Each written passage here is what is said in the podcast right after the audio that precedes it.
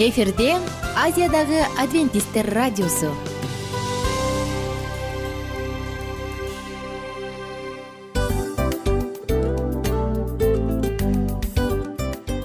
Достор салют. Баардык сүйүктүү угармандарыбызга салам айтабыз. Кутман күнүңүздөр менен. Ден соолук өмүрдүн булагы демекчи саламат саамы программасында баарыңыздарды көргөнүбүзгө абдан кубанычтабыз. Анда алгач амандашып өтөлү арбаңыздар деп. Ден соолугуңуздар кандай элибизде көбүнчө ден соолук кандай дегенде эле жакшы деп жооп беребиз э? ооруп турсак дагы жакшы дейбиз. Анан мен муну айтып ойлойт элем бул абдан сонун сөз депчи анткени бул жакшы деген үмүт да э баары жакшы болот. Баары сонун. Деп үмүттөнүп атып эле өзүбүздү өзүбүз дарылап коебуз.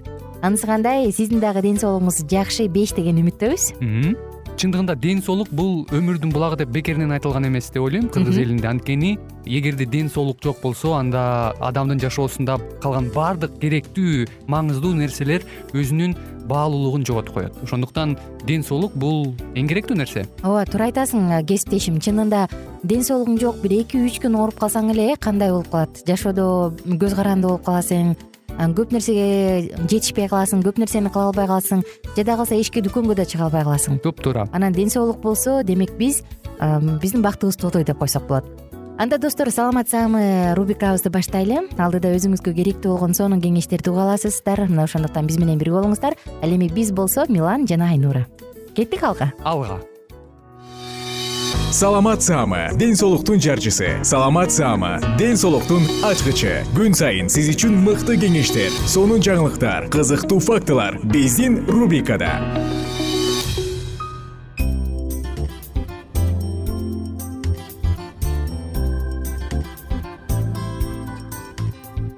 амансызбы угарманым? Салам достор жалпы бурадарларыбызга ысык салам айтабыз дагы. Сиздер менен бирге саламат саама рубрикасын баштап бүгүнкү теманы жаңырталы. Бүгүнкү тема ашказанга кам көрүү. Ашказан органын андан ары улантабыз. Мурунку уктуруубузда ашказан эмне кылат анын көлөмү кандай бир аз кыскача маалымат берип өткөнбүз. Эми бүгүн ашказанга туура кам көрүүнүн эң негизги факторлорун же принциптерин жаңырта кетели. Ашказаныңыз оорубайбы? Анда сиз бактылуу адамсыз ушул оорубаган бойдон сактаганга бүгүнкү кеңеш сөзсүз жардам берет. Эгерде ашказаныңыз ооруса анда аны туура дарылаганга туура кам көргөнгө бүгүнкү кеңеш дагы сизге жардам берет. Мына ошондуктан биз менен бирге болуңуздар. Негизи ашказан күнүгө бир нече сааттар бою тынбай иштейт э баарыбызга белгилүү. Бул өзгөчө тамак жегенден кийин ии байкуш ашказан тим эле тыпылдап тызылдап иштей баштайт да. Ашказан дагы эс алышы керек. Кантип аны жөн гана тамак бербей бир аз эс алдырып коюу зарыл. Эми достор ашказанга кам көрүүдө эң эле биринчи биз эске ала турган нерсе бул дары дармектер медициналык дары дармектер. Баардык медикаменттер ашказанга сөзсүз зыянын тийгизет. Ошондуктан алардын арасынан агрессивдүү түрдө өтө катуу жаман таасир тийгизгендери бар. Алар ашказандын былжыр чегин барьерин баардыгын тең бузат кандай дарылар десеңиз албетте санай кетели бир нечесин. Бул сезгенүүгө каршы суук тийүүгө каршы препараттар аспирин кортикостероиддер жана туз темири. Мына булардын баардыгы тең ашказандын иштешин бузат. Жана албетте башка дарылардын баардыгы бар. Биз баардык дары деген соң демек баардык дарылар. Ошондуктан дары эгер ооруп жатасызбы аны дарыны ичкенден көрө элдик ыкмалар менен дарыланганга аракет кылыңыз кийинки кезекте ашказанды кыжырданта турган нерселердин баардыгын тең азык түлүктөрдү пайдаланбаганга жебегенге ичпегенге аракет кылыңыз. Булар ашказандын согунун көбүрөөк иштеп чыгышын шарттайт дагы анын капталдарындагы былжырларын баардыгын тең өтө алсыздандырып коет. Кандай азыктар же кайсы азык түлүктөр? Биринчи эле кезекте кофе андан кийин алкоголдук суусундуктар ичимдиктер газдалган суусундуктар ачуу приправалар маринадталган азык түлүктөр куурулган тамак жана майлуу тамак. Булардын баардыгы ашказанга зыянын тийгизет. Кийинки кезекте айта турган кеңешибиз расписание же күн тартиби боюнча жеңиз. Негизи биздин тамак сиңирүү органыбыз же тамак сиңирүү процессибиз биологиялык ритмге ылайыкташылган ошого баш ийет. Ошондуктан тамак ичип жатканыңызда өзүңүздүн ички туюмуңуз менен же болбосо ички биологиялык ритмиңиз менен макулдашыңыз дайыма күн сайын бир учурда жегенге аракет кылыңыз. Бул ашказандын иштешин бир топ жеңилдетет. Тамактанып мисалы эртең мененки түшкү тамак ортосунда же түшкү кечки тамак учурунда улам улам бир нерсени оозго салып мыймыңдап жебей эле коюңуз. Кийинки кезекте ашказанга кам көрүүдө өтө катуу тоюп тое тамак жебеңиз. Ашказан негизи толгон кезде мээге электрикалык сигнал жөнөтөт э. Оу оу мен тойдум дейт бирок эгерде сиз ага көңүл бурбай эле дайыма жей берсеңиз анда ашказан толуп аша баштаганда гана мээге сигнал акырын шашпай кечирээк жетет. Ошондуктан достор колуңуздан келишинче тамакты жегениңизде ашыра тойбоңуз. Баягы сөз бар эмеспи э сиз жей алган тамактын үчтөн бир бөлүгүн гана жеңиз деп. Сиз жей алган тамактын үчтөн бир бөлүгүн гана жеңиз деп. Бул нерсе сиздин ашыкча салмакты кошпогонуңузга жардам берет жана өтө ысык өтө муздак тамактардан абайлаңыз. Бул мейли ал суюктукпу мейли ал ысык тамакпы кандай болбосун? Алардын баардыгы тең ашказандын былжыр челин бузат. Ошондуктан абайлаңыз. Жана муздак тамак тамак сиңирүү процессин өтө басаңдатат бул болсо бизге албетте жакшы таасир калтырбайт. Ошондуктан үй бөлмөсүндө же болбосо жылуу тамак жегенге аракет кылыңыз илгертен айтып коюшат эмеспи. Катуу тамакты ичиңиз суюк тамакты жеңиз деп. Анысы кандай? Тамак жегенде майда майда кичинекей кичинекей тиштер менен тиштеп аябай жакшылап чайнап шилекей менен аралаштырып туруп анан жеш керек. Тамактанып жатканыңызда тынч абалда жадырап ырахат алып жеңиз. Биз жөнөкөй гана эрежелерди эске алып сактаганыбызда тамак сиңирүү процессибиз жакшы жүрөт. Бул мисалы жогоруда айтылгандай эле. Кичинекей кичинекейден тиштеп жакшылап чайнап жеңиз. Андан тышкары тамактанып жаткан учурда башка нерсе менен алек болбоңуз. Мүмкүн сиз басып же унаа айдап деген сыяктуу. Алардын баардыгын экинчи орунга кое туруңуз тамактанып жатканда ар кандай талашуу нервдик чыңалуусунан сактаныңыз. Булардын баардыгы тең сиздин ашказаныңызды бузат э? Мурунку уктуруубузда эсиңизде болсо ашказандын өңү өзгөрөт. Ошондуктан тамак ичип атканыңызда сиздин баарлашууңуз же сүйлөшүүңүз тынч жана жагымдуу болсун тамактанууга жана убакытка өзгөчө көңүл буруңуз. Бул сизге дагы жардам берет. Тамактанып жаткан учурда суу ичпеңиз. Анткени суу ичүү дагы тамак сиңирүү процессин бузат. Андан көрө тамактанардын алдында беш он беш мүнөт мурун бир аз суу ичип коюңуз.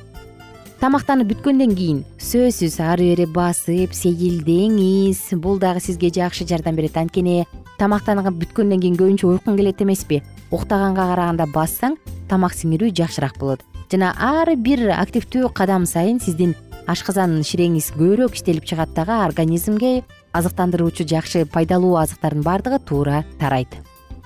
Жана той топурларды эске салайынчы. Өтө эле көп ар кандай азык түлүктөрдүн баардыгын аралаштырбаңыз. Мисалы өзгөчө белокко майга бай болгон азык түлүктөрдүн баардыгын көп кылып албаңыз. Анткени тамак канчалык бир түрлүү болсо ал ошончолук пайдалуу. Той топурларда өзгөчө кел же ал ал бул деп атып дасторкондо салаттын түрү тамактын түрү болгон учурда ашказан чындыгында кыйналып калат. Ошондуктан бул нерсени эске салыңыз. Эми болсо бир аз болсо дагы угармандарыбызга айта кетели эгерде сизде ашказаныңыз дайыма ооруп такыр өтпөй атса ашказаныңыз ооруганда сизди муздак тер басып чарчап атсаңыз анда бул жүрөк приступунан кабар бериши мүмкүн же кан аралаш кусуп жатсаңыз өзгөчө карараак түстө болсо же сиздин заңыңыздын өңү карарып кетсе анда сөзсүз түрдө шашылыш доктурга кайрылыңыз. Достор биз сиздин ден соолугуңузга кам көрө беребиз кам көргөндөн тажабайбыз. Ал эми сиз болсо өз кезегинде бул маалыматтарды жөн гана угуп койбостон жашооңузда колдоносуз деген ишенимдемин жалпыңыздар менен коштошом. Кийинки уктуруулардан амандашканча сак саламатта туруңуздар. Күнүңүздөр сонун маанайда улансын. Ашказаныңыз кызарбасын агарбасын кыскарбасын кичирейбесин. Ашказаныңыз дайыма туура абалда болсун анткени бул ашказан адамдын сырткы келбетинин көргөзүп турган бирден бир укмуштуу орган экен. Бар болуңуздар. Кененирээк маалыматтар үчүн үч w чекит саламат чекит клуб сайтына келип таанышыңыздар. Жана андан тышкары социалдык тармактарда youtube facebook жана instagram баракчаларына катталыңыз. Саламат саама ден соолуктун жарчысы. Саламат саама ден соолуктун ачкычы. Күн сайын сиз үчүн мыкты кеңештер сонун жаңылыктар кызыктуу фактылар биздин рубрикада.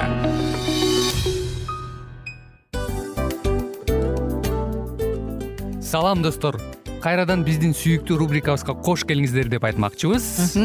Баардык замандаштарыбызга арбаңыздар деп саламыбызды айтабыз. Улуу ушундай бир урматтаган учурашуу менен анан дил маек радио баракчабызга чакырабыз. Негизи дил маек биздин рубрикабызда эмне жөнүндө кеп кылабыз? Бул дил маектин мааниси эмнеде рубрикабыз менен кичине тааныштырып кетсеңиз. Сөзсүз түрдө тааныштыра кетейин. Кесиптешим суранычы боюнча бул учурда бул радио баракчада биз ар тарап кесип ээлеринен сонун кеңештерди алабыз сүйлөшөбүз сырдашабыз. Аталарыбыздын эжелерибиздин апаларыбыздын кеңештерин угабыз айтор. Жан дүйнөгө адамдын э, сапатына адамдын деги эле адам болуп жашашына керектүү баардык кеңештер алдыда.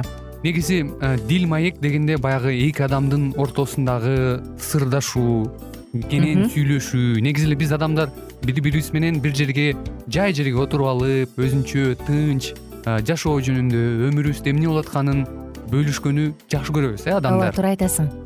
Анан э, мындай учурга кээде убакыт да жетпей келет э же болбосо сырыңды кайгыңды муңуңду кубанычыңды айткың келет а адамга ишенбешиң мүмкүн. Ооба. А бул радио баракча угармандарыбыздын чыныгы досу. Анткени бизден алган кеңеш сиздин жашооңузга чоң жардам берет. Ал эми сиздин бизге айта турган сөзүңүз ортодо гана сыр бойдон калат. Ошондуктан биздин дил маек рубрикабызга дагы бир жолу кош келиңиздер жана биз даярдаган маалыматтарга даяр болуңуздар. Айнура жана милан сиздер менен бирге алдыга кеттик.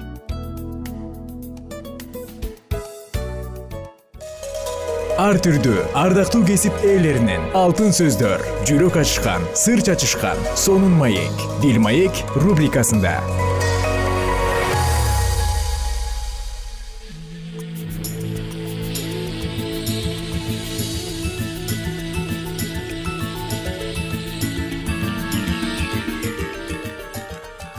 кутмандуу күнүңүздөр менен кымбаттуу угармандарыбыз. Кайрадан эле биз дал ушул үй бүлө багытына арналган бактылуу никенин баалуу эрежелери аттуу уктуруубузду баштайбыз. Бүгүнкү программабыздын чыгарылышында биз сиздер менен дал ушул үй бүлө жаатында кызганыч туурасында кеп кылат экенбиз.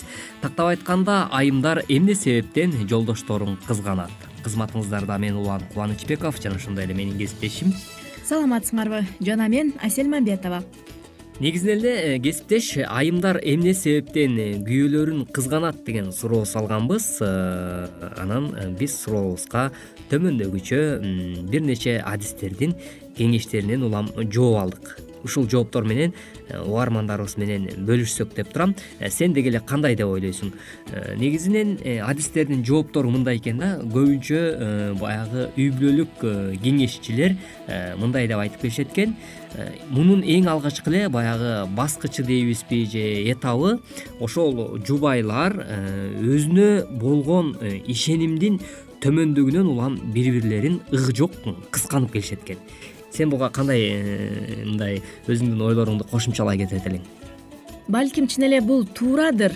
Эгер адам өзүнө өзү туура баа бербесе анын баасы төмөн болсо мен ушунчалык Э, төмөн болгон үчүн менин күйөөм кетип калабы башка бирөөнү карап кетеби деп балким көп аялдар ушул туурасында дагы кызганыч пайда болсо керек мүмкүн чындап эле жогоруда сен айткандай адамдын өзүнө болгон ишенимдүүлүгүнүн төмөндүгүнүн натыйжасында ушундай кызганыч деген нерсе пайда болот экен.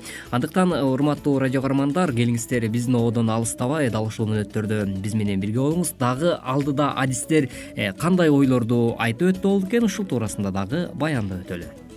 Мисалы үчүн көпчүлүк аялдар күнүнө кеминде он жолу күйөөлөрүнө коңгуроо чалып телефондогу каттарын тынбай текшере берет.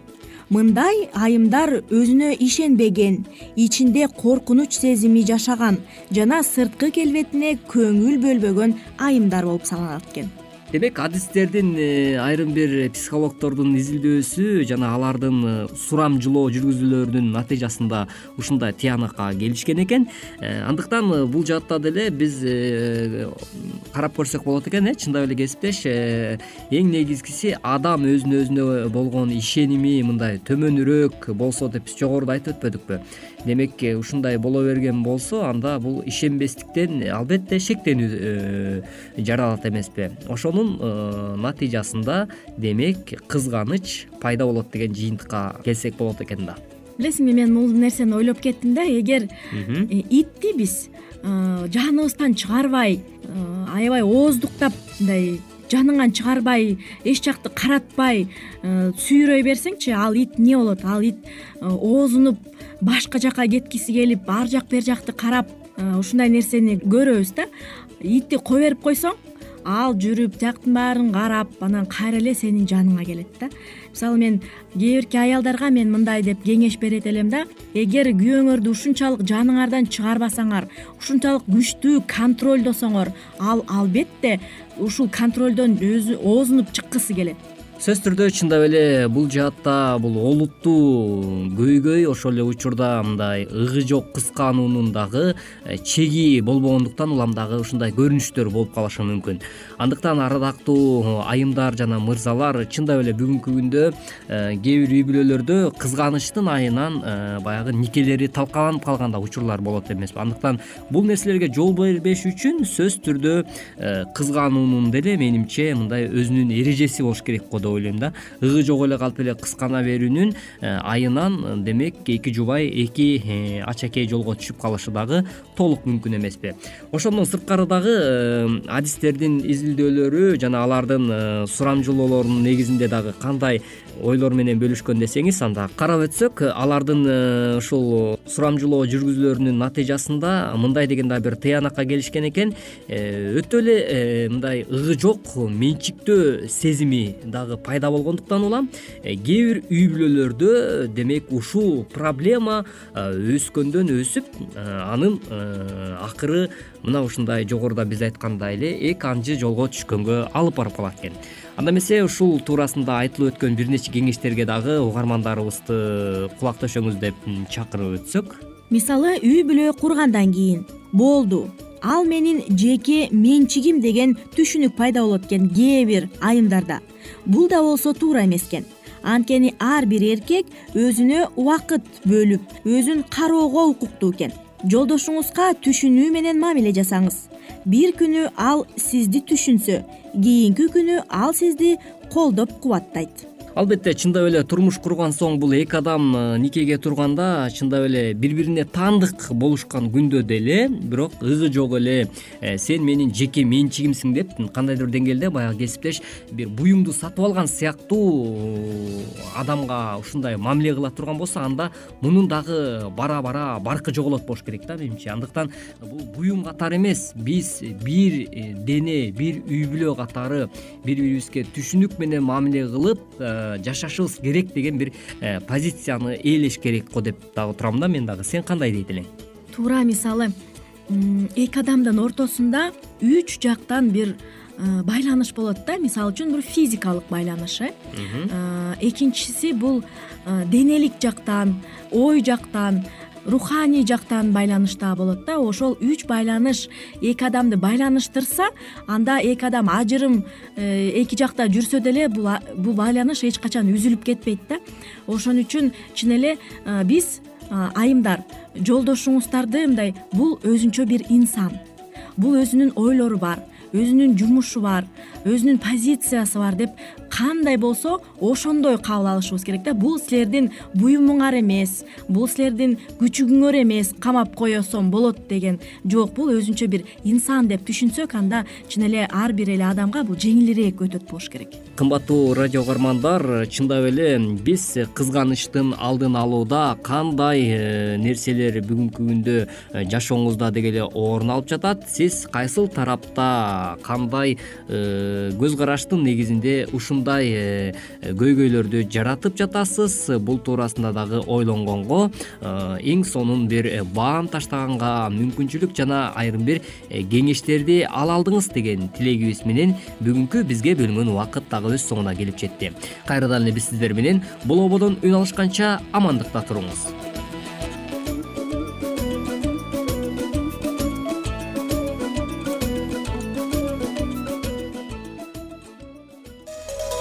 ар түрдүү ардактуу кесип ээлеринен. Алтын сөздөр жүрөк ачышкан сыр чачышкан сонун маек. Бил маек рубрикасында.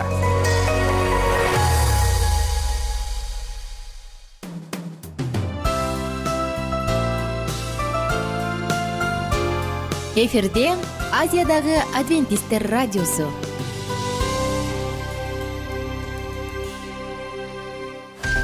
жан дүйнөңдү байыткан жүрөгүңдү азыктанткан жашооңо маңыз тартуулаган жан азык рубрикасы.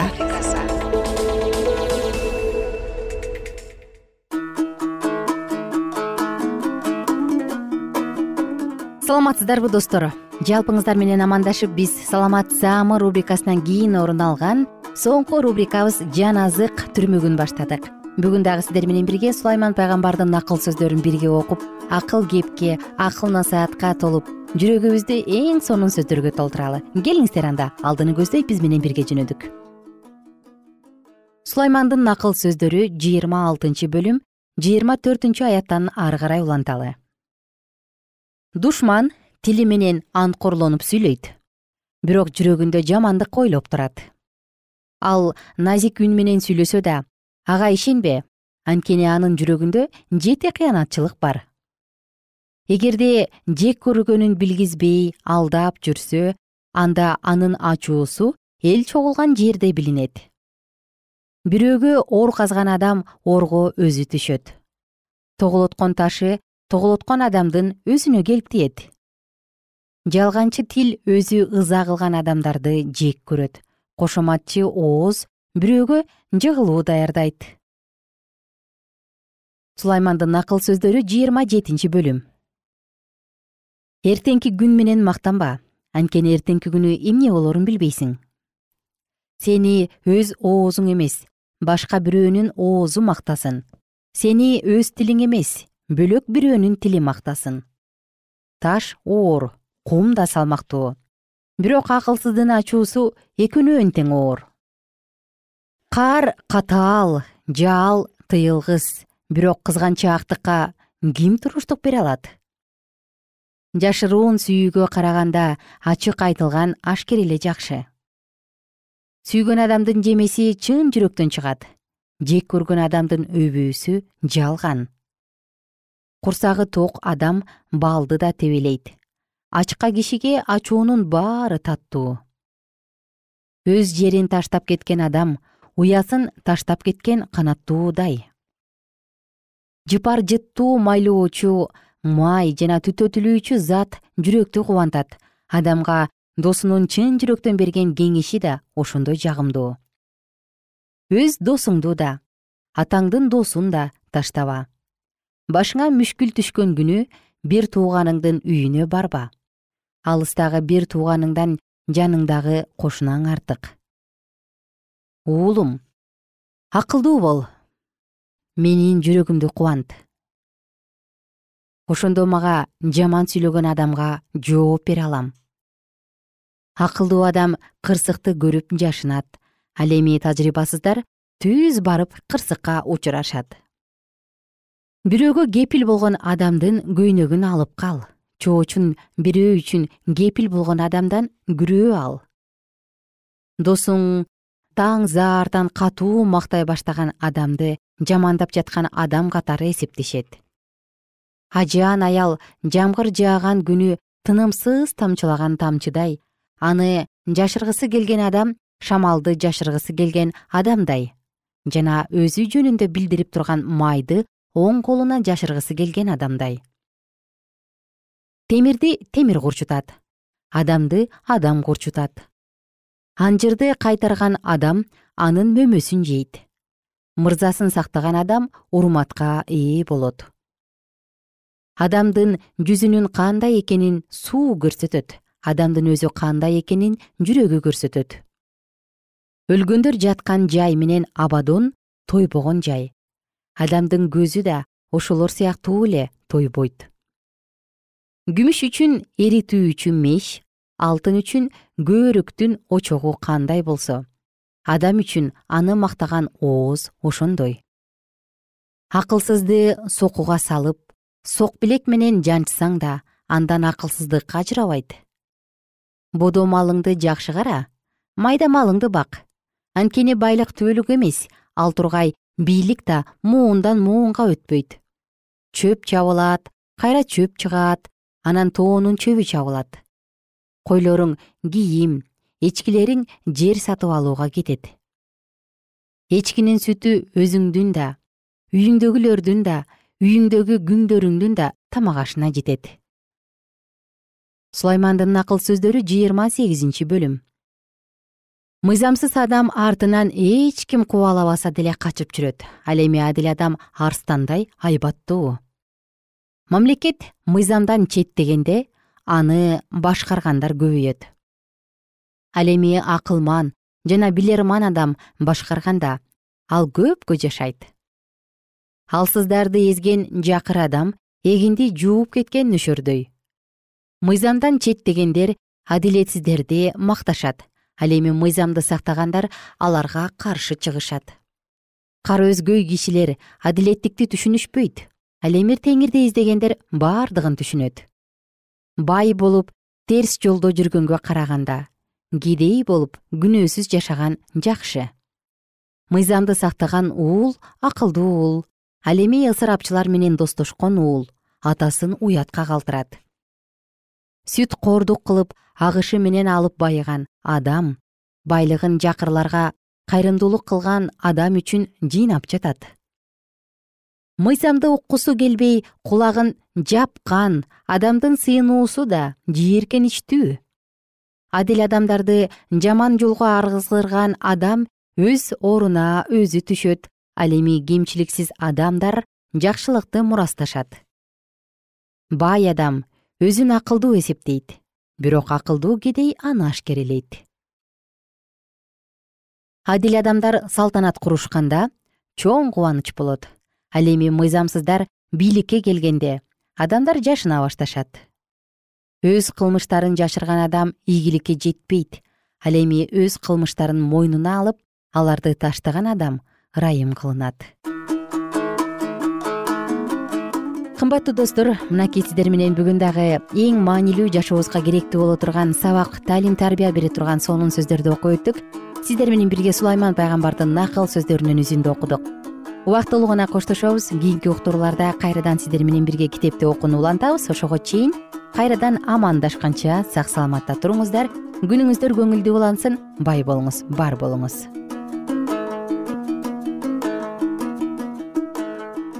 Эгер сиздерде суроолор болсо же көбүрөөк маалымат билем десеңиз анда биздин whatsapp номерибизге жазыңыз. Плюс бир үч жүз бир жети жүз алтымыш алтымыш жетимиш кайрадан плюс бир үч жүз бир жети жүз алтымыш алтымыш жетимиш.